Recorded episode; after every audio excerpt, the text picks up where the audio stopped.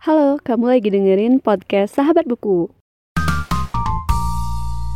Halo semuanya dan selamat datang kembali di podcast Sahabat Buku. Bagi kamu yang baru pertama kali mendengarkan podcast ini, podcast Sahabat Buku adalah sebuah podcast yang membahas review buku dan pengalamanku saat membaca buku. Di episode kali ini, aku akan membahas sebuah buku berjudul Saksi Mata karya Seno Gumira Aji Dharma yang diterbitkan oleh penerbit Pabrik Tulisan. Buku ini pertama kali diterbitkan pada tahun 2021, terdiri dari 158 halaman dengan total 16 cerpen serta ada ilustrasi dari Agung Kurniawan. Selanjutnya, aku akan menceritakan cerpen pertama dari buku ini. Cerpen pertama dari buku ini berjudul Saksi Mata yang mengisahkan seorang saksi mata yang datang ke sebuah pengadilan. Nah, saksi mata ini nantinya akan memberikan kesaksian atau keterangan di mana ia datang ke pengadilan itu tanpa matanya alias dia tidak memiliki mata. Dan cerpen ini diwarnai dengan percakapan-percakapan tentang kejadian yang membuat mata si saksi mata itu bisa tanda kutip diambil gitu. Cerpen kedua dari buku ini berjudul Telinga. Nah, cerpen ini diawali dengan ucapan seorang bernama Alina kepada seseorang yang nanti disebut sebagai juru cerita. Nah, si juru cerita ini nanti akan bercerita tentang telinga. Jadi ada ada seorang perempuan yang bernama Dewi yang mendapatkan kiriman dari pacarnya yaitu berupa amplop coklat yang nantinya berisi potongan-potongan telinga yang bahkan belum mengering darahnya. Terus kiriman itu nggak hanya sekali tapi berkali-kali. Selanjutnya yaitu cerpen ketiga berjudul Manuel. Jadi cerpen ini menceritakan seorang tokoh bernama Manuel yang akan ditemui oleh seorang tokoh yang disebut saya gitu. Jadi pakai uh, sudut pandang orang pertama. Lalu si Manuel ini akan bercerita cerita tentang bagaimana ia kehilangan keluarganya saat ia berusia 5 tahun. Nah, untuk cerita-cerita lainnya kamu bisa baca langsung aja di buku ini ya. Selanjutnya, aku akan membahas fakta-fakta menarik dari buku ini. Yang pertama, buku ini berlatar belakang Timur Timur,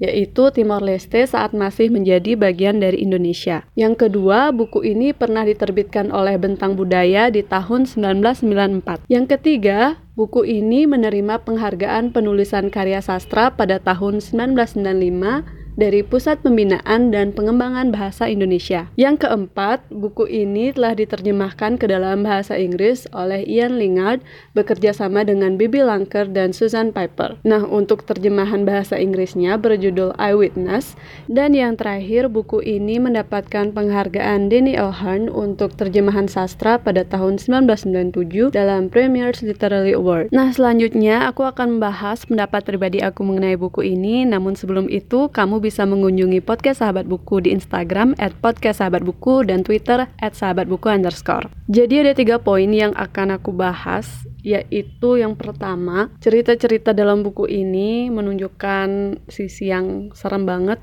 terus juga ada adegan-adegan menjijikan serta mungkin ada bagian-bagian yang bisa buat kita ngilu gitu waktu baca. Jadi uh, untuk teman-teman yang suka film horror thriller gitu mungkin cocok banget nih untuk baca buku ini. Tapi selain itu juga untuk teman-teman yang mungkin agak ngeri gitu ya sama sesuatu yang berbau horor yang berlebihan. Ya ada kalanya mungkin coba baca dikit kalau emang nggak cocok mungkin bisa baca yang lain gitu. Nah selain itu penggunaan deskripsi dan juga kata-kata dalam buku ini menurutku porsinya bagus gitu ya. Uh, susah sih jelasinya tapi kayak semacam nggak ada kata-kata yang terlalu berlebihan terus juga uh, misalnya nih ada adegan serem gitu nggak nggak terkesan dibuat-buat gitu. Jadi kayak natural dan juga uh, pas kita baca tuh jadinya ngebayanginnya emang serem gitu nggak nggak dibuat-buat gitu sih menurut aku. Dan yang terakhir buku ini menurutku uh, kurang direkomendasikan untuk teman-teman yang mungkin uh, punya trigger untuk apa ya untuk hal-hal yang berbau kekerasan dan juga uh, apa ya hal-hal yang